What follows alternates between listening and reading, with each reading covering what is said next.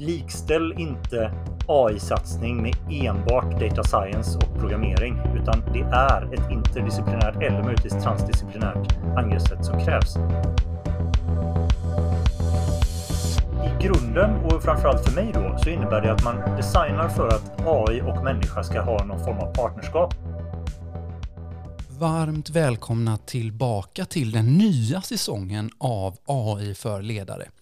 I dagens avsnitt så träffar vi Pontus Wernestål och Pontus är docent i informatik vid Högskolan i Halmstad och hans forskning inriktar sig på människocentrerad AI och där AI möter design och digital tjänsteinnovation. Så Pontus har över 20 års erfarenhet av akademiskt och praktiskt designarbete där han har jobbat med några av de största företagen i världen med digital innovation och har ägnat stora delar av sitt yrkesverksamma liv av att tänka på hur vi skapar värde med AI och hur vi ska tänka kring värde med AI. Pontus Wernerstål, varmt välkommen till eh, AI för ledare. Tack Peter, trevligt att vara här. Jag har varit så taggad på att ha med dig ganska länge nu. Mycket för, ja men vi har ju diskuterat eh, tidigare i eh, dina många roller, för du är, jag tycker att du har så spännande bakgrund och vad du gör nu. Dels så är du eh, designer, du är programmerare, du är, eh, har varit designchef på eh, byråer, du har suttit och hjälpt andra multinationella företag och nu är du då docent i informatik vid Högskolan i Halmstad. Jobbar verkligen med den här människocentrerade AI och för över all din kunskap och alla dina erfarenheter till dina studenter och de forskarna som du har där man pratar om, där du lyfter liksom vikten av design. Och för eh, är det, det vill säga, eh, ett år sedan, ett och ett halvt år sedan, så släppte du en bok precis när jag var ny i Kanada som heter Design av AI-drivna tjänster. Som är, eh, ja, den, den är släppt tillsammans med studentlitteratur, men, men ur mitt perspektiv så tycker jag ju att alla ska läsa den här boken. Eh, så därför har jag velat ha med dig eh, i, det här, i den här serien ganska länge, just för att din syn på, på AI är just människocentrerad och det är det vi vill prata om här idag. Lysande. Ja, tack. Ehm, jag håller med, det är spännande. Men Pontus, jag vill prata för att du um, har, din bakgrund är ju också ganska intressant. Du har jobbat med AI i mycket längre än vad det har varit hett. Du har jobbat med ja. det som vi, vi skulle kunna kalla AI i, i över 20 år. Um, så, så, jag är väldigt nyfiken på hur det började. Ja, ja men precis. Det, det är intressant för att jag, det, jag är ju grundutbildad som kognitionsvetare vid Linköpings universitet. Och det är ju studiet av hur, hur liksom intelligens egentligen fungerar. Kognition är ju uppfattning och, och medvetande och, och, och, beslutsfattande och sådär. Och där på det programmet, eh, vi pratar nu i början av eh, Eh, seklet här, då fanns det kurser i artificiell intelligens. Och det var ju den, liksom den klassiska AI då, GoFi, Good Old Fashioned AI. Men vi hade också det som kallas för subsymbolisk kognition. Eh, så vi började nosa lite på det här med maskininlärning och och, och, så.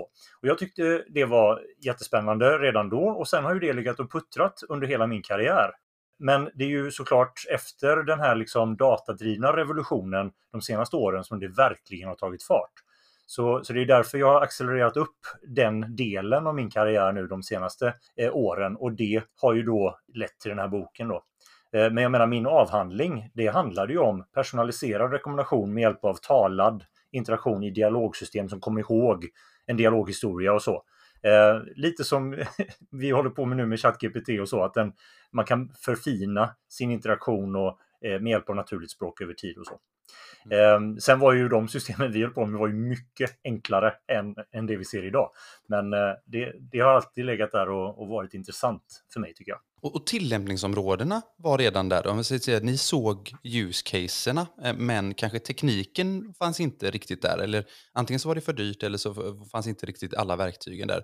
V vad säger du, har, vi pratar om det datadrivna, men, men vad har förändrats under de här åren? Eh, ja, det har ju förändrats på, på i princip alla plan skulle jag säga. Dels är de rent tekniska förutsättningarna har ju förändrats. Eh, I, eh, jag menar, all det, det som vi kallar digitalisering eller digitisering eller vad man nu vill använda för ord.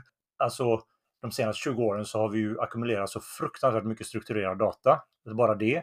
Och sen Moores lag och, och eh, våra eh, GPUer och, och, mycket mer minne och alltså den tekniska eh, hastigheten på internet, eh, mobila eh, internetutkopplade enheter. Alltså det har ju förändrat det tekniska landskapet något fruktansvärt under de här åren. Men vad jag då, du, du pratade ju om människocentrerad vinkel, det är också så att rent kulturellt så har vi förändrat vår liksom acceptans eller vår vilja att använda personalisering, sociala media.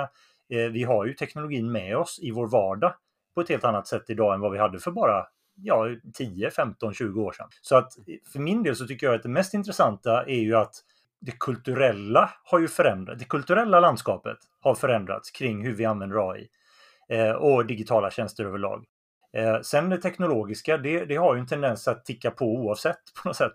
Eh, så det intressanta är ju att fånga upp de här lite kvalitativa och svårfångade aspekterna. Och där tror jag ju nu att verktyg som DALI och Midjourney och Open, eh, vad heter det, ChatGPT och, och, så, där kommer vi få se en fullständig explosion av allmänt användande av AI. Så det är superspännande just nu. Och vi har nästan, vi, vi har diskuterat om den här liksom kulturella revolutionen i den här podden tidigare när det handlar om Um, vad man såg hände i, i, Kina och Korea när, när AlphaGo kom in och gjorde liksom, eh, verkligen eh, vände upp och ner på det kulturella perspektivet på vad människor kan göra och kreativitet. Och att vi kanske ser ett lik, en liknande då revolution nu när vi får de här verktygen i, i sätter i händerna. Och nu, nu är jag ju baserad i, i, i Kanada och Sverige, men när jag går in på ett café här i Kanada till exempel så kan jag se då kan jag alltså se människor sitta med sina laptops och eh, sitta och skriva grejer med ChatGPT. Mm. Överallt. Ja. Vilket, är, vilket är för mig så här, oj, nu har det hänt någonting här. Men folk använder det här Lexia och AI-apparna för att göra sina profilbilder och sen så kommer man in på kaféer och så skriver folk texter med hjälp av AI. Att det finns en kulturell aspekt där som jag tycker verkligen alignar väldigt mycket med det du pratar om, det här humans, eller liksom ja. mänsklighetscentrerad AI.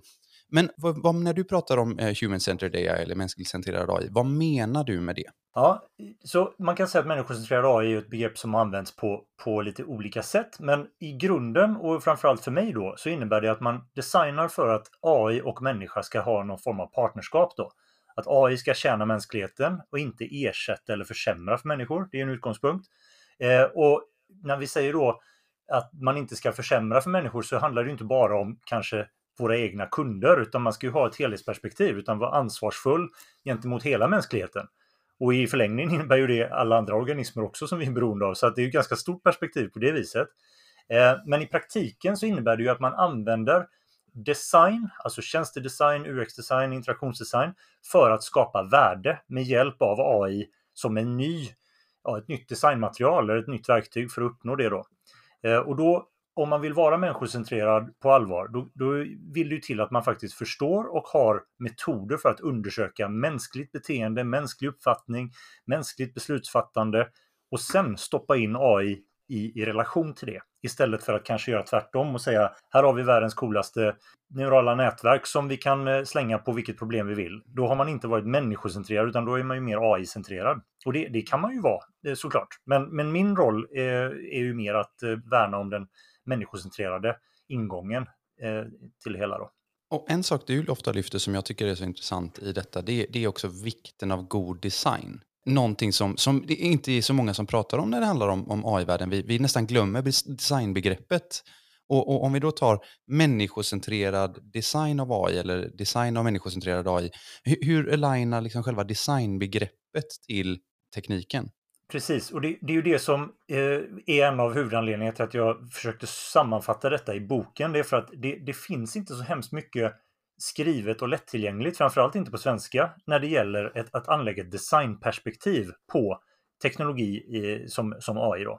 Och design är ju ett, också ett ganska stort begrepp, men i, i min värld så betyder det att man tar sig an eh, mänsklig upplevelse med allt vad det innefattar. Eh, sinneserfarenhet, rationell eh, beslutsfattande och, och så vidare. Och så eh, försöker man undersöka vilka typer av värden är det som vi vill uppnå eller bädda för eller designa för. Och då är inte det värden som bara är ekonomiska eller funktionella, eh, utan det är andra typer av värden som, som faktiskt förklarar mänskligt beteende på djupet. Det kan ju vara, jag menar vi, eh, Eh, en känsla av plikt till exempel. Hur, hur, hur sätter du funktion och ekonomi på det? Ja, det är svårt. Men det finns andra sätt och ramverk att titta på. Eh, kreativitet, en känsla av att man är upplyst eller att, eh, ja, plikt eller vad det nu kan vara. Då. Så att de typerna av värden tycker jag är intressant att försöka, ja, i någon mening omsätta då till design av, i, i digitala tjänster. Så vi kan hjälpa, hjälpa människor att bygga de värdena.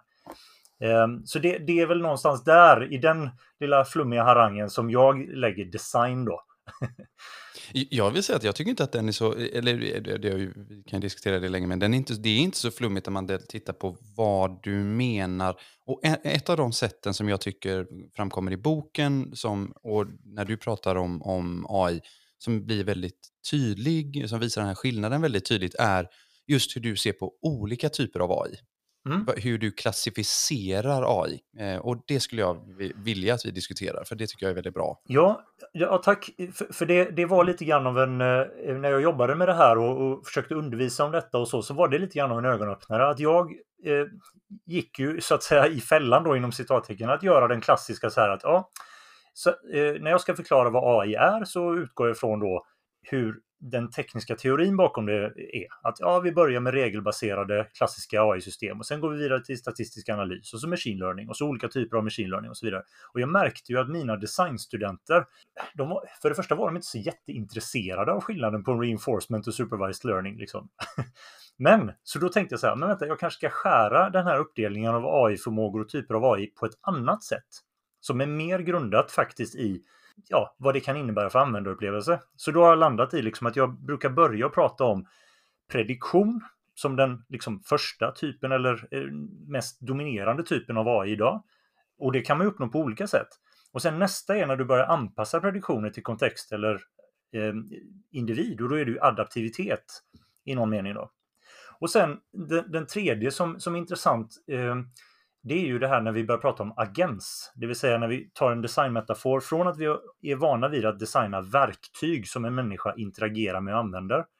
Så plötsligt nu då så går vi över till att designmetaforen är inte verktyg längre utan det är snarare betjänt eller butler eller partner eller, eller, eller så. Som faktiskt kan ta en, en högnivå eh, önskemål från oss. Och sen litar vi på att den utför det liksom på när vi gör annat.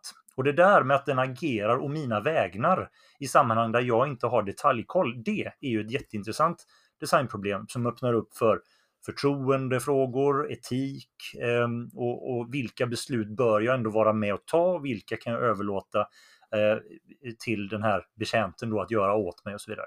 Så, så prediktion, eh, adaptivitet och agens är tre begrepp som jag har märkt landar väl när man börjar prata designorienterat kring hur tjänsterna kan byggas. Och om, vi, om vi tar ett värdeperspektiv på det och tittar på olika typer av tillämpningar av, av prediktion, adaptivitet och, och agens. Vad skulle du säga är, är de, de vanliga värdena vi hittar i prediktion? Eh, prediktion, det, det, är ju egentligen hur vi tar bättre beslut. Och det, det är ju alltså här, hur kan människor ta bättre beslut? Så observera nu inte att hur kan AI ta massa beslut, utan det är för, hur kan vi använda prediktion i kombination med vår bedömningsförmåga. Så där är ju nästa nyckel då. Jag skiljer och är väldigt noga med eh, att vi skiljer på prediktion och bedömning. Så prediktion, det är det vi kan få god hjälp av eh, dataanalys på datamängder som det skulle ta oss en livstid att gå igenom och analysera. Det kan göras på sekunder och sen kan vi använda de prediktionerna och lägga vårt kanske mer värdebaserade och människocentrerade bedömningsraster på. Då. Och idealiskt, och det har jag en liten finurlig figur i boken, idealiskt är det ju så att prediktionen influerar bedömningsförmågan och bedömningen leder till någon form av handling som ger en effekt. Och Den effekten, om man, om man är lite finurlig där, så kan man designa effekten Eh, feedbacken på den effekten kan ju bidra både till människan och till modellen om man designar det väl. Så att om både AI och människan får liksom information om hur den här effekten landade, då kan man träna upp en bättre AI-modell, men man kan också lära människan att vässa sin bedömningsförmåga och bli ännu mer stärkt då i, i, i sin kompetens. Ehm, och det har vi ju eh, lite praktiska exempel på också. Så, så, så det, där kan man säga att prediktion och bedömning, det är ju ett eh, värde att, alltså att ta bättre beslut. Och de, de besluten, de kan ju vara både ett internt perspektiv, hur, hur vi förbättrar hur vi gör saker i vår organisation. Det kan vara lite mer backstage då. Man kan hur, förstå hur AI påverkar våra processer. Men man kan också ta ett mer externt perspektiv och se hur kan vi ta bättre beslut som förbättrar kundupplevelsen för våra kunder? Eh, eller hur kan vi ta bättre beslut kring produkt och tjänsteutveckling? Vi, vi kan ju använda datadriven prediktion för att eh, liksom modifiera lite grann vad vi tänker oss att vår nästa produkt eller tjänst är och hur den beter sig när vi väl har släppt den och sådär. Så, så förmågan att se mönster och trender och på något sätt förutse lite grann vad en viss handling kommer ge. Det är ju superkrafter som AI kan hjälpa oss med.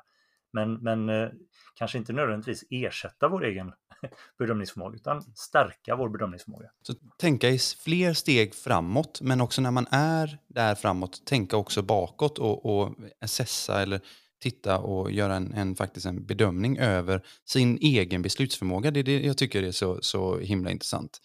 Och, och där har vi också adaptiviteten. Verkligen. Och adaptivitet är ju eh, eh, någonting som bör finnas hos både människan och AI. Eh, alltså vi har ju en tendens att titta på personalisering till exempel. Vi har ju, vi har, det har vi ju drabbats av i e-handel eh, och eh, sociala medier under årtionden nu med att vi får personaliserade rekommendationer eller personaliserade annonser eller, eller sådär. Va? Men adaptiviteten är ju också oss själva och det är ju det jag tycker är spännande när vi pratar människocentrerad design av AI-drivna tjänster. För det gör att vi också bör designa för utvecklingen av användaren. Um, det, och det, där kan man ju då plocka in liksom multi och, och interdisciplinära eh, fält som psykologi och pedagogik och, och, och sådär som hjälper oss att faktiskt boosta mänsklig kompetens och förmåga. Och Det har ju du ett helt avsnitt om i, i boken där när det handlar om samverkan. Ja. Um, och, och, samverkan tycker jag är en, en, en ett perspektiv och, och en, eh, om jag tittar på en del av designprocessen eller en del av, av utformandet av nya AI-verktyg som vi, vi, ofta glömmer av.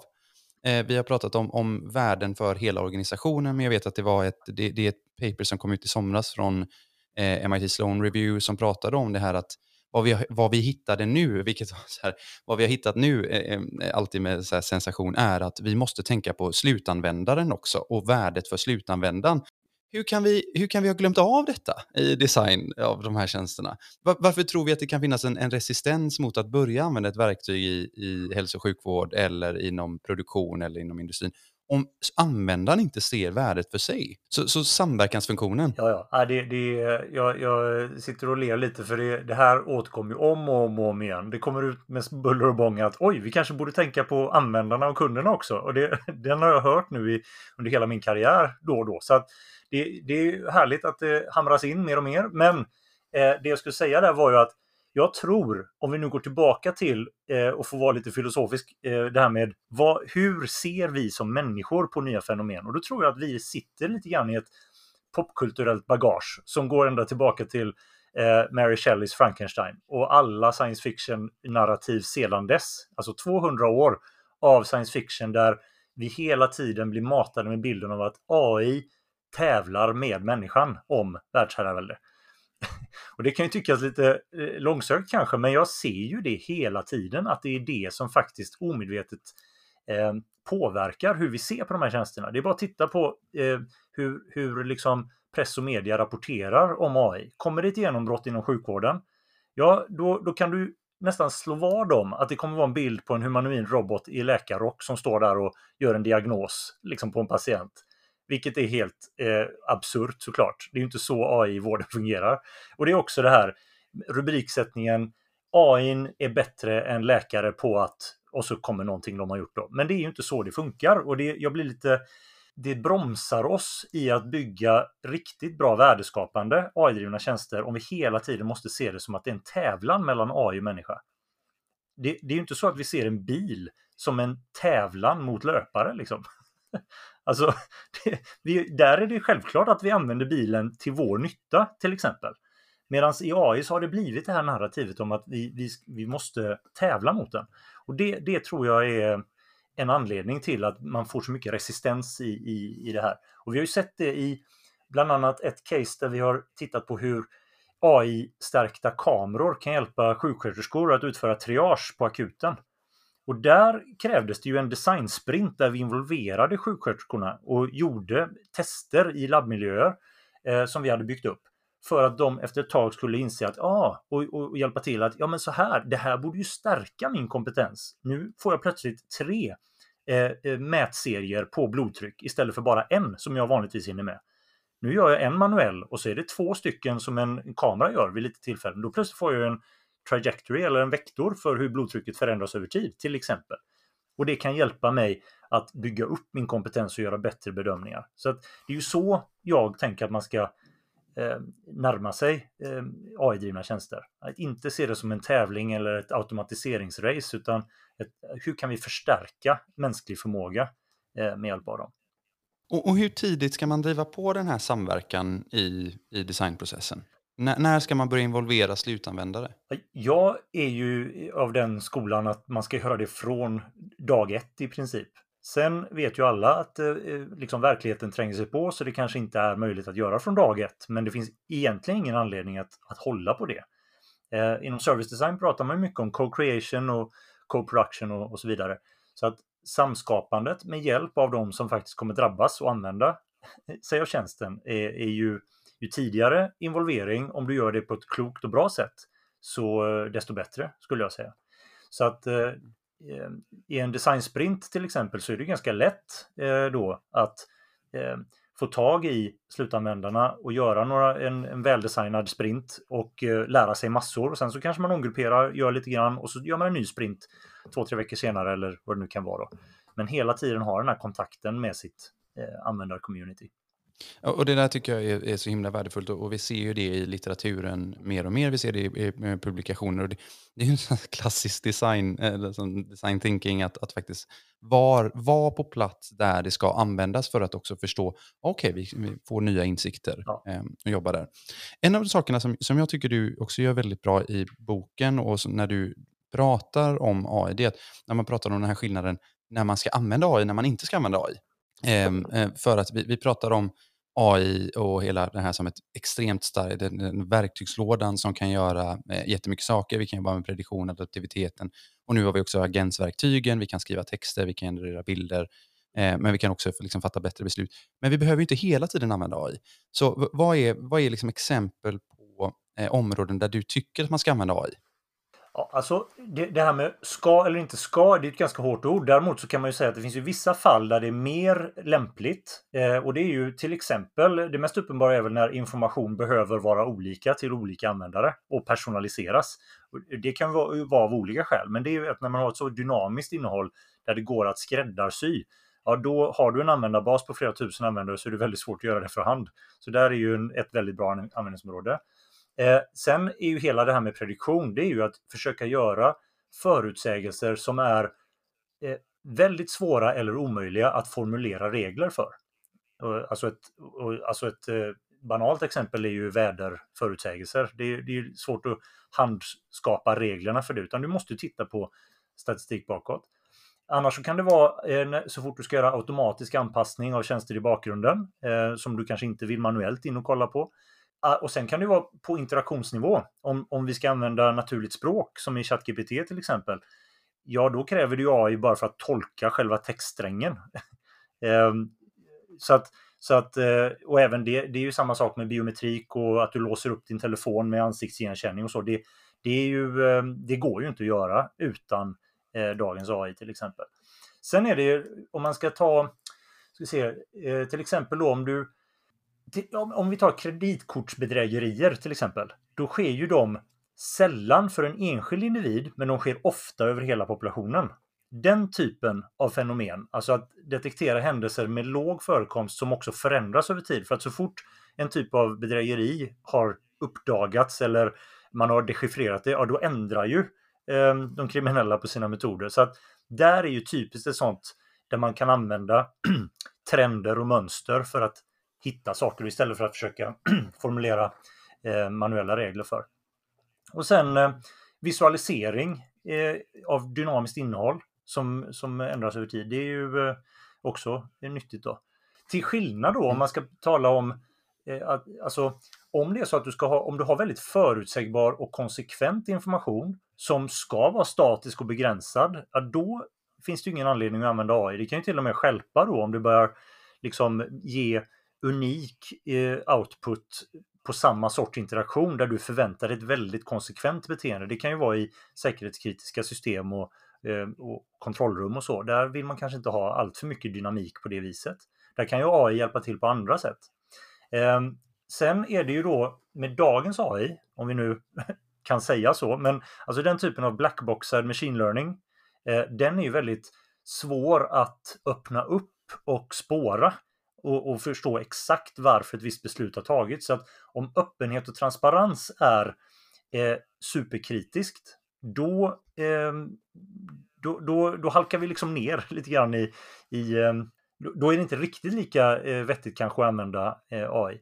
Sen kan man ju då använda AI för att förklara AI med explainable AI till exempel. Alltså, då kan ju en annan AI-tjänst hjälpa dig att reda ut varför den första AI-tjänsten betedde sig som den gjorde. Eh, men det, där är det ju, min, min uppfattning där är väl att det fortfarande är ganska komplext att eh, få en, en, liksom en eh, gemene man att förstå det när man designar de gränssnitten. Sen finns det ju såklart situationer där, där mänskligt bemötande i sig är ett premiumvärde. Då behöver man kanske inte ersätta den interaktionen med en eh, chatbot till exempel. Och återigen, där kan man ju också använda AI i andra delar av verksamheten istället. Då. Och sen så har vi ju såklart situationer där eh, rådande lag kräver eh, mänsklig hantering. Då, då ska man ju fortsätta med det tills lagen ändras då. Såklart. Och, och, och, där ser vi ju nu exempel på liksom European AI Act och försöker skapa eh, begräns, eller begränsningar men, men en tydlighet i, i vad vi kan göra och vad vi inte kan göra på ett någonstans horisontellt val. Medan vi vet att det finns andra regioner i världen och andra nationer som tar ett mera liksom system till system perspektiv i att okay, nu har vi sprungit väldigt långt inom eh, image recognition eller deepfake, då ska vi form av liksom begränsa det. Ja. Eh, men en av sakerna som du, som, eh, du nämner där är det här liksom fr från data till värde. Som, som jag personligen tycker är en, en väldigt, väldigt bra beskrivning av vad, vi, vad det är vi försöker göra för att det förklarar status på, på machine learning just nu, vad vi behöver, men också var, vart vi vill framåt. Mm. Så vi behöver data för att skapa värde. Hur, du, hur arbetar du när du har jobbat mot eh, eh, kunder och klienter och, och, hjälper företag med den processen från data till värde?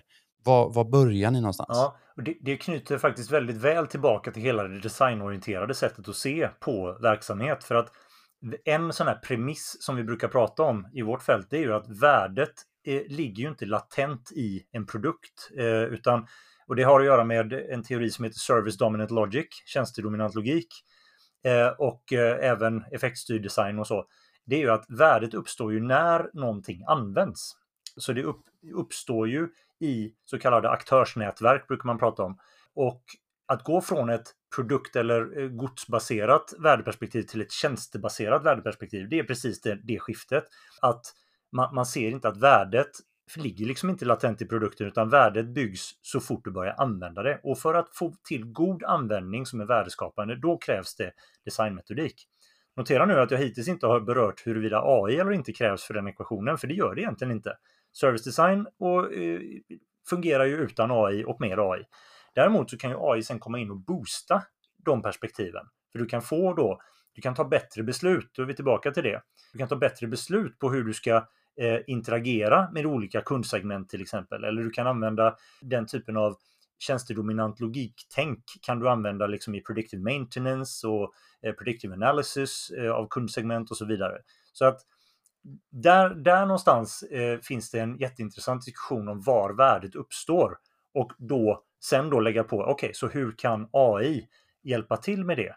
För jag tror att är man klassiskt skolad i liksom produktorienterad logik, ja då, då är väl risken att man också ser att man ska baka in AI i produkten och så tror man att värdet ligger där då. Den teorin som jag bygger på är ju snarare att den, den ligger inte där, utan värdet uppstår när någon, när flera aktörer eh, samskapar det tillsammans under användning. I ett tidigare avsnitt eh, i den här poddserien så pratade vi med Staffan Truvé eh, och en av de sakerna som kom upp under det avsnittet var just att vad egentligen det här från data till värde, eller från vad machine learning kan hjälpa till med i en produktaspekt, är egentligen för företag att gå från från att sälja produkten till att faktiskt sälja värdet, ja. till att sälja användningen. Från, från, från produkt och pryl till användning och uppdatering och förbättring eh, för att man kan ge insikter av hur en användare eller en kund använder en produkt och hur man skulle kunna göra det bättre med hjälp av den datan som genereras. Och det, är ju att, att det blir också i designprocessen att liksom förlänga livscykeln eller produktutvecklingscykeln i att titta på, okej okay, men det är inte själva överlämnandet till kund utan det är under hela produktlivscykeln, det är under hela eh, användandet av, av detta som vi, vi måste vara med och uppdatera. Verkligen, och det, där blir ju en specifik eh, liksom, vinkel på det när det gäller AI. Det är ju att ett, ett klassiskt, vare sig du pratar tjänst eller, eller eh, produkt eh, eller vara, då är det så att vid just det här överlämnandet, från och med där så kan ju företaget liksom ta handen ifrån det och typiskt så börjar ju värdet liksom dala, eh, är uppfattningen. Medan i AI-drivna tjänster så är det snarare så att om vi släpper en tjänst så vet vi att den är bra dag ett, men den är ju superbra dag 100 om vi har byggt den rätt, för då har den anpassat sig och du, du och den har liksom eh, samskapat värde över tid och den har lärt sig dina preferenser och så vidare. Så att det, det är ju definitivt så, jag håller helt med om Staffans analys där, att det, det är ju så värdet blir idag. Och det är dessutom lite intressant att det här långsiktiga perspektivet, för då istället för att göra den här kortsiktiga fram till eh, försäljningsdatumet och sen är det dags för nästa kund eller nästa produkt. Det gör ju också att vi kan skifta perspektivet till mer långsiktig design. Och det är ju någonting vi behöver om vi börjar prata om hållbarhet till exempel. Det är ju vägen till ett eh, långsiktigt ekonomiskt välstånd egentligen. För den, den klassiska modellen med, med liksom eh, sälj, slit, släng, den, den är ju väldigt kortsiktig. Den är ju inte så ekonomisk egentligen. Eh, trots att många fortfarande agerar som om det förhåller sig så. Så även där så finns det ju en koppling till att kan vi använda AI för att till exempel hjälpa till till transition i cirkulära affärsmodeller. Vi kan också få en tjänst att räcka längre och, eh, och, och kanske också lägga över ansvaret på ett företag att behålla värde, värdeskapandet, liksom. Att behålla det i användning och tjänst så att man betalar för värde och inte för produkt till exempel. Ja, då, då ligger man ju eh, bättre till skulle jag säga. Och, det, och där är liksom både hållbarhet, AI och tjänstedesign, alla de tre samverkar rätt snyggt där, tycker jag. Och, och det här öppnar upp för nya typer av affärsmodeller. Det går från det, det transaktionella till kanske mer liksom eh, transformativt om vi ska prata om, om vi kan prata om ledarskap, men också av produktutveckling där vi kan diskutera hur fortsätter vi då transformera och förändra vardagen eller användandet till det bättre genom att också liksom bjuda in och samverka med användarna. Det handlar om att samla data och visa insikter av den datan. Ehm, och, och, du pratar om vad vi behöver där, vad vi, liksom, vilka insikter vi behöver. Men vad behöver, du, vad behöver vi se för förändring i Sverige för att se mer AI-drivna tjänster? Jag tror ju att vi behöver, alltså så här, ingenjörskonsten är optimerad för så kallade tama problem. Och det kan låta lite hårt och cyniskt och raljerande kanske, men, men det är ju typiskt så man lär sig rationell problemlösning. Det är ju att man kan, man tar ett problem, alla är överens om definitionen av det problemet och så kan man bryta ner det i subproblem och löser du vart och ett av dem så kristalliserar sig den här superlösningen ut då. Och det är ju så alla, det är ju så AI-forskningen har gått till. Det är därför vi har haft som fokus på schack och Go och vinna Jeopardy. Och, alltså det, det är ju tama problem. Alla är överens om när spelet är slut. Reglerna är kända. Eh, man behöver en disciplin för att lösa det, nämligen matematik vanligtvis. Men om du tittar på vad företag brottas med så är det ju nästan tvärtom på alla de fronterna. Det, det är, man är inte klar över, alla har inte samma bild av problemet. Eh, det, det, kallas för wicked problems, eh, lömska problem, till skillnad från tama problem. Och, och då är min, min poäng är väl här att kompletterar man god teknologisk kunskap som vi har gott om i Sverige med en designorienterat sätt att adressera wicked problems eller lömska problem som vi kanske eh, inte har riktigt lika eh, gott om kompetens i Sverige. Men, men det skulle vi kunna arbeta upp.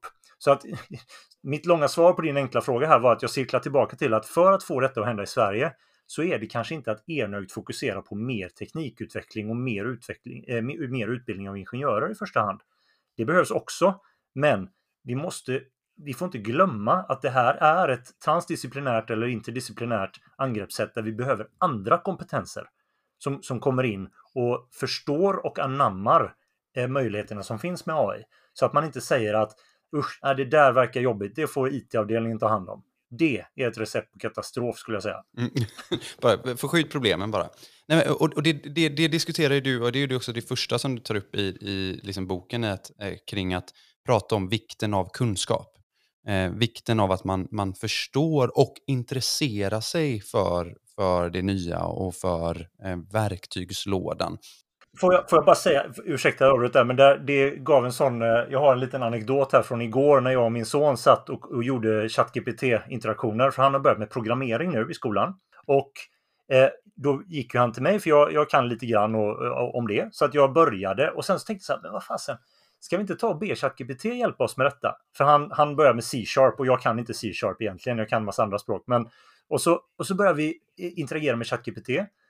Och så sa jag, för jag märkte att eh, koncentrationen började falla lite, så jag instruerade ChatGPT att uh, Imagine that you are Darth Vader and continue the instruction. Så nu hade vi plötsligt Darth Vader sittandes och började göra referenser till det galaktiska imperiet och Sith och när den förklarade for-loopar och eh, variabler och eh, varför man skriver static på vissa funktioner och så.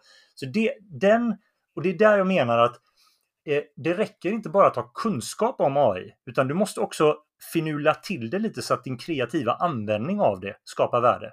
För med hjälp av den abrovinchen så fick jag ju eh, oss att sitta lite längre med detta och tycka att det var ännu roligare att programmera. Så, så det är bara lite sån liten detalj i att man kan med hjälp av lite eh, ja, kreativitet eller att man tänker lite utanför ramarna så kan man använda verktygen på nya sätt som man kanske inte hade tänkt på innan. Och sen så spann vi vidare då att, ja men vad, hur skulle Wednesday Adams eh, instruera mig i programmering? Och så börjar vi latcha med det liksom. Så det blir ju eh, en ganska rolig session då av det. det. Det, där är ju fantastiskt och det är en av sakerna som jag eh, pratar ganska mycket om det här, gör det roligt vikten av att göra upplevelsen roligt så att man blir indragen i användandet. För det, det först då, så här, vi vet att intresse kan driva en extremt långt, eller passion och nyfikenhet kan driva en extremt långt. Du är ju på Högskolan i Halmstad som, som ni är det, ni gör eh, väldigt mycket bra om man pratar om Halland i, i sjukvården som ett, det här svenska exemplet av, som vi vill att andra regioner ska titta på. Eh, ni har eh, High Five som driver liksom mot tillämpning inom om SME-segmentet i, i Halland. Vad är nyckeln till att det har blivit så, så stort intresse i just Halland och runt Halmstad för, för AI-tjänster? Ja, det är en bra fråga. Jag har faktiskt inte riktigt analyserat eh, det. Eh, jag tror att det, det, kan vara att stjärnorna har stått rätt av olika slag. Liksom, eh, vi har ju eh, många eh, ambitiösa utbildningsinitiativ också både de här flexibla kurserna för redan yrkesverksamma, Meisterprogrammet. Eh, vi har en, en hel del samverkan med just informatik och ingenjörsutbildningarna på eh, eh, Akademin för informationsteknologi. Och just det här, och det kanske är också det, i vissa fall är ju ett lite mindre lärosäte kan ju underlätta lite att göra de här korskopplingarna för att vi har inte så långt mellan eh, institutionerna eller akademierna. Så det, det kan vara en grej. Men sen när det gäller sjukvården det, det, är ju någon smart person eh, som, som har tagit eh, bra strategiska beslut kring just den här data, sättet man har strukturerat upp datan på. Eh, är, har ju varit en av nycklarna där. På, på, av någon anledning så har många stjärnor stått rätt. Så, så det känns som att vi, vi har ett litet ekosystem där det bubblar väldigt mycket då med, eh, med AI-drivna tjänster just och inte bara den teknologiska delen eh, som vi också, eh, mina kollegor är duktiga på, men även då den designorienterade delen. Och i, om, om, vi skulle, om du skulle designa liksom så här ett, vi ska inte prata om drömprojekt, men, men när du går in i och, och har jobbat mot eh, företag, vad är det, hur önskar du att den processen ser ut från ett, ett eh, design av AI-drivna tjänster-perspektiv? Vad ska, man tänka, vad ska man som ledare tänka på? Vad ska man som chef tänka på? Vilka ska jag involvera och samverka med tidigt? Och vilka beslut behöver jag fatta? för att det här ska bli ett, ett bra, eh, en bra designprocess? Ja, det, eh, vi, vi, har jobbat, du nämnde ju High Five där och ett av projekten där kallas ju för AIM eller AI.m och där har vi ju nu coachat 30 företag eh, ungefär genom deras första AI-resa så att säga. Och det som har slagit mig där Eh, det är tyvärr då inom citationstecken att processen har inte varit exakt likadan varje gång. Utan den måste anpassas och det, jag blir mer och mer övertygad om att kompetens slår process. Process är, är, är bra, men det finns liksom inte en, ett recept. Så bara du följer det så blir det svinbra. Eh, du kan jämföra det med, med en eh, kock. eh, alltså, du och jag, jag vet inte om du är jätteduktig på att laga mat, men jag är inte det. Men jag, jag kan följa ett recept och det blir okej. Okay. Men jag kan ju aldrig hävda mig mot en mästerkock som, som faktiskt gör det utan recept. Och om receptet är processen och, och kocken står för en kompetens så skulle jag säga att det viktigaste är att man har ett öppet lärande eh, perspektiv. Så om du är ledare så är det den lärande organisationen du ska fokusera på snarare än att ytterligare trimma in din process. För jag tror process hjälper dig såklart, men eh, din, din kunskapsresa har ju mycket längre hållbarhet än processtänket. Och det, så jag, jag, men det är klart, jag talar ju lite i egen sak eftersom jag är på ett lärosäte. Det är klart att vi gillar när folk utbildar sig. Men, eh, men jag tror kunskapen där är jätteviktigt. Och just det jag har varit inne på tidigare. Likställ inte AI-satsning med enbart data science och programmering, utan det är ett interdisciplinärt eller möjligtvis transdisciplinärt angreppssätt som krävs. Alla i organisationen i princip måste förstå och anamma den, de här nya typerna av verktygen och nya möjligheterna. Ehm, med kritiska ögon också. Jag menar verkligen inte att bara kasta sig över det och göra AI överallt, utan det finns jättemånga både etiska och eh, andra problem som man då måste ta sig an. Och just därför är det ytterligare ett skäl till att titta på andra kompetenser. Sista kapitlet i min, i min bok handlar ju precis om det, alltså olika typer av kompetenser, samhällsvetenskap, eh, filosofi och annan humaniora, hur, hur viktigt det är att ha med det perspektivet för att bygga bra tjänster. Och att eh, involvera användarna i, i processen tidigt. För att ofta blir det att vi pratar, om, om vi loopar tillbaka från, från början av det här avsnittet, att vi pratar alltid, vi pratar om att väldigt mycket kunskap, men man, ofta är företag och organisationer glömmer av hur mycket kunskap det redan finns i organisationen. Vi har den här tendensen att all expertkompetens ligger utanför vår egen organisation, men när man väl börjar ställa rätt frågor och lyfta på stenarna och involvera och samverka med individer i organisationen så inser man att oj, vad, vad mycket vi kunde här. Vad mycket insikter vi hade som vi inte använder för att alla mm, håller på med det de gör varje dag, liksom det operationella, ja. istället, för att fråga, istället för att fråga våra egna organisationer. Vad är, eh, om vi tittar på de utbildningarna som ni gör nu, för att det är också så någonting som vi vill slå ett slag för, att ni har ju på Halmstad högskola så har ni gjort poddutbildningar som finns öppna för, för eh, alla mm. kring, kring AI-tjänster. Ni släpper mycket material som är, är väldigt bra. Vad ser du fram emot nu under, under våren och 2023 att, att fortsätta göra tillsammans med, med studenterna och ert liksom, ekosystemet runt om? Så det, det, det är fullt blås på alla dem. Alltså dels så fortsätter vi med AIM-projektet, eh, accelererar det. Dels finns Leap for Life som är ett, eh, eh, eh också ett där man kan samverka med företag så. Personligen kommer jag vara väldigt mycket in, involverad i eh, vårt Meisterprogram som det heter. Det är det här Eh, det är ett program för redan yrkesverksamma och där har vi tre ben. Det ena är machine learning, det andra är business innovation och det tredje är då människocentrerad design som jag då är spårägare för. Och där håller vi bland annat nu på med eh, en, en, kurs om cirkularitet och AI. Alltså hur kan AI användas för att hjälpa till i transition till cirkulära affärsmodeller? Eh, så den, där läser vi massor med artiklar. Eh, vi testar i, i eh, både studentprojekt och i AIM-projekt. Och så nu senare i vår så kommer vi ge den kursen för första gången då. Och ihop med de andra magisterkurserna. Och sen kör vi våra vanliga utbildningar. Vi har kandidatprogram Digital design och innovation som har en kurs som jag föreläser på just nu som heter Människocentrerad AI. Och sen har vi även vårt masterprogram Digital Service Innovation där vi har kurser som heter eh, Intelligent Systems till exempel. Och det är, det är också det här med hur kan vi få in ett AI-perspektiv i en eh, masterutbildning på informatik då, som egentligen är humaniora om man ska vara eh, strikt. Och så finns det annat. Vi, vi håller på att starta eh, upp ett nytt ingenjörsprogram där vi kommer ha en kurs eh, i, i detta.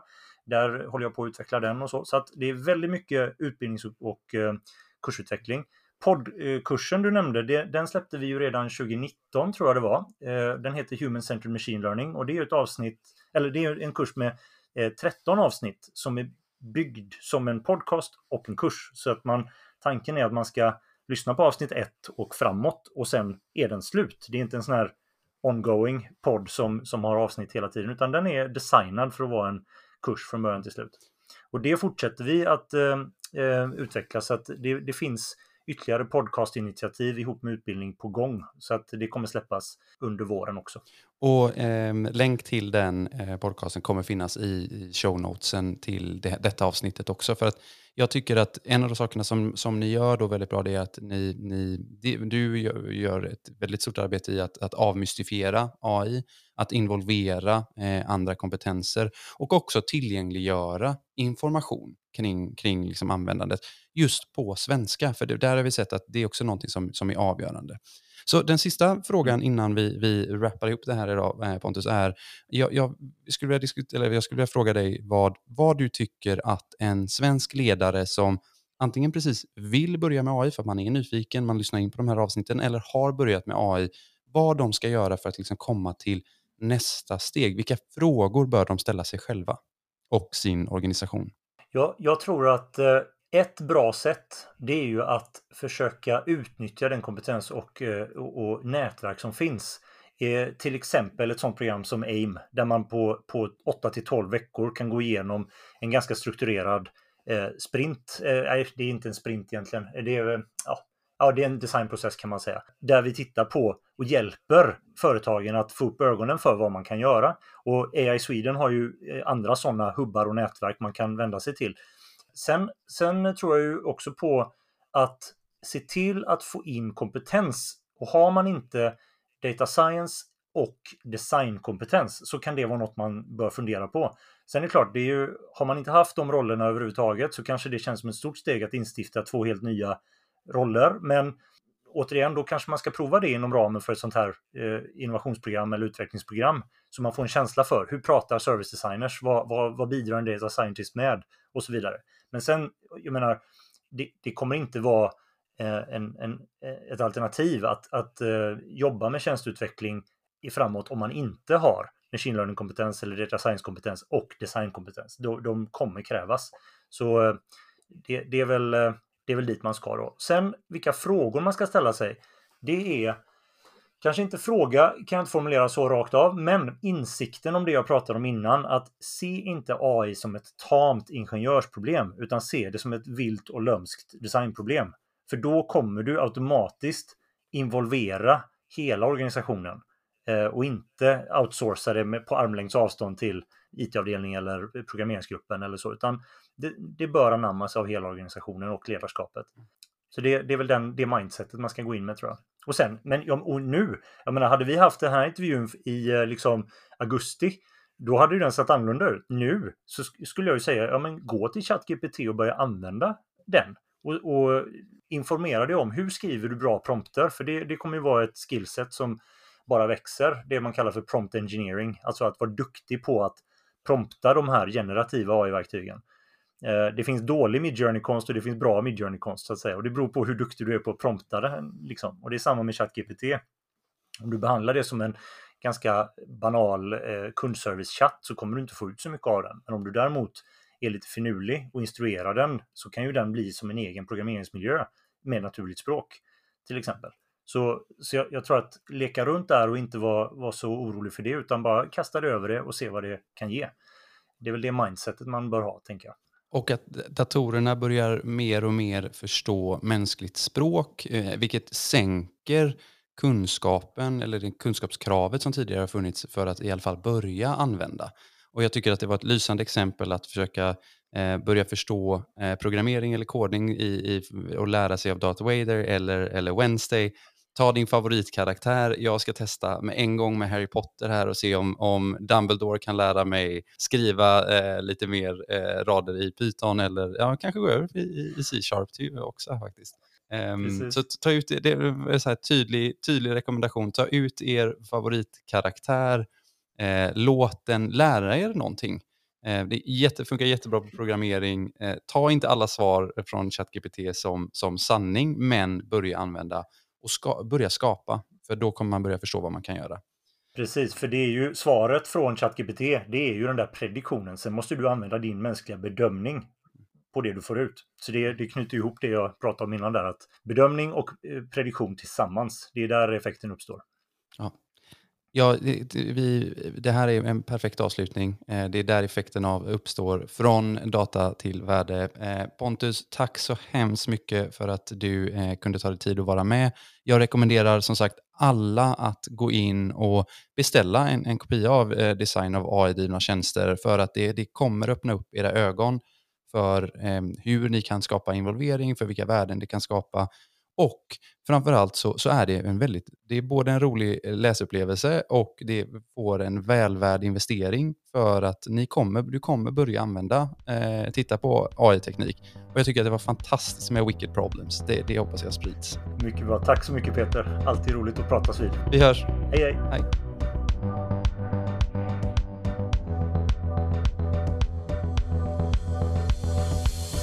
Vill du veta mer om det svenska AI-ekosystemet och AI Sweden så tycker jag att du ska kika in på ai.se.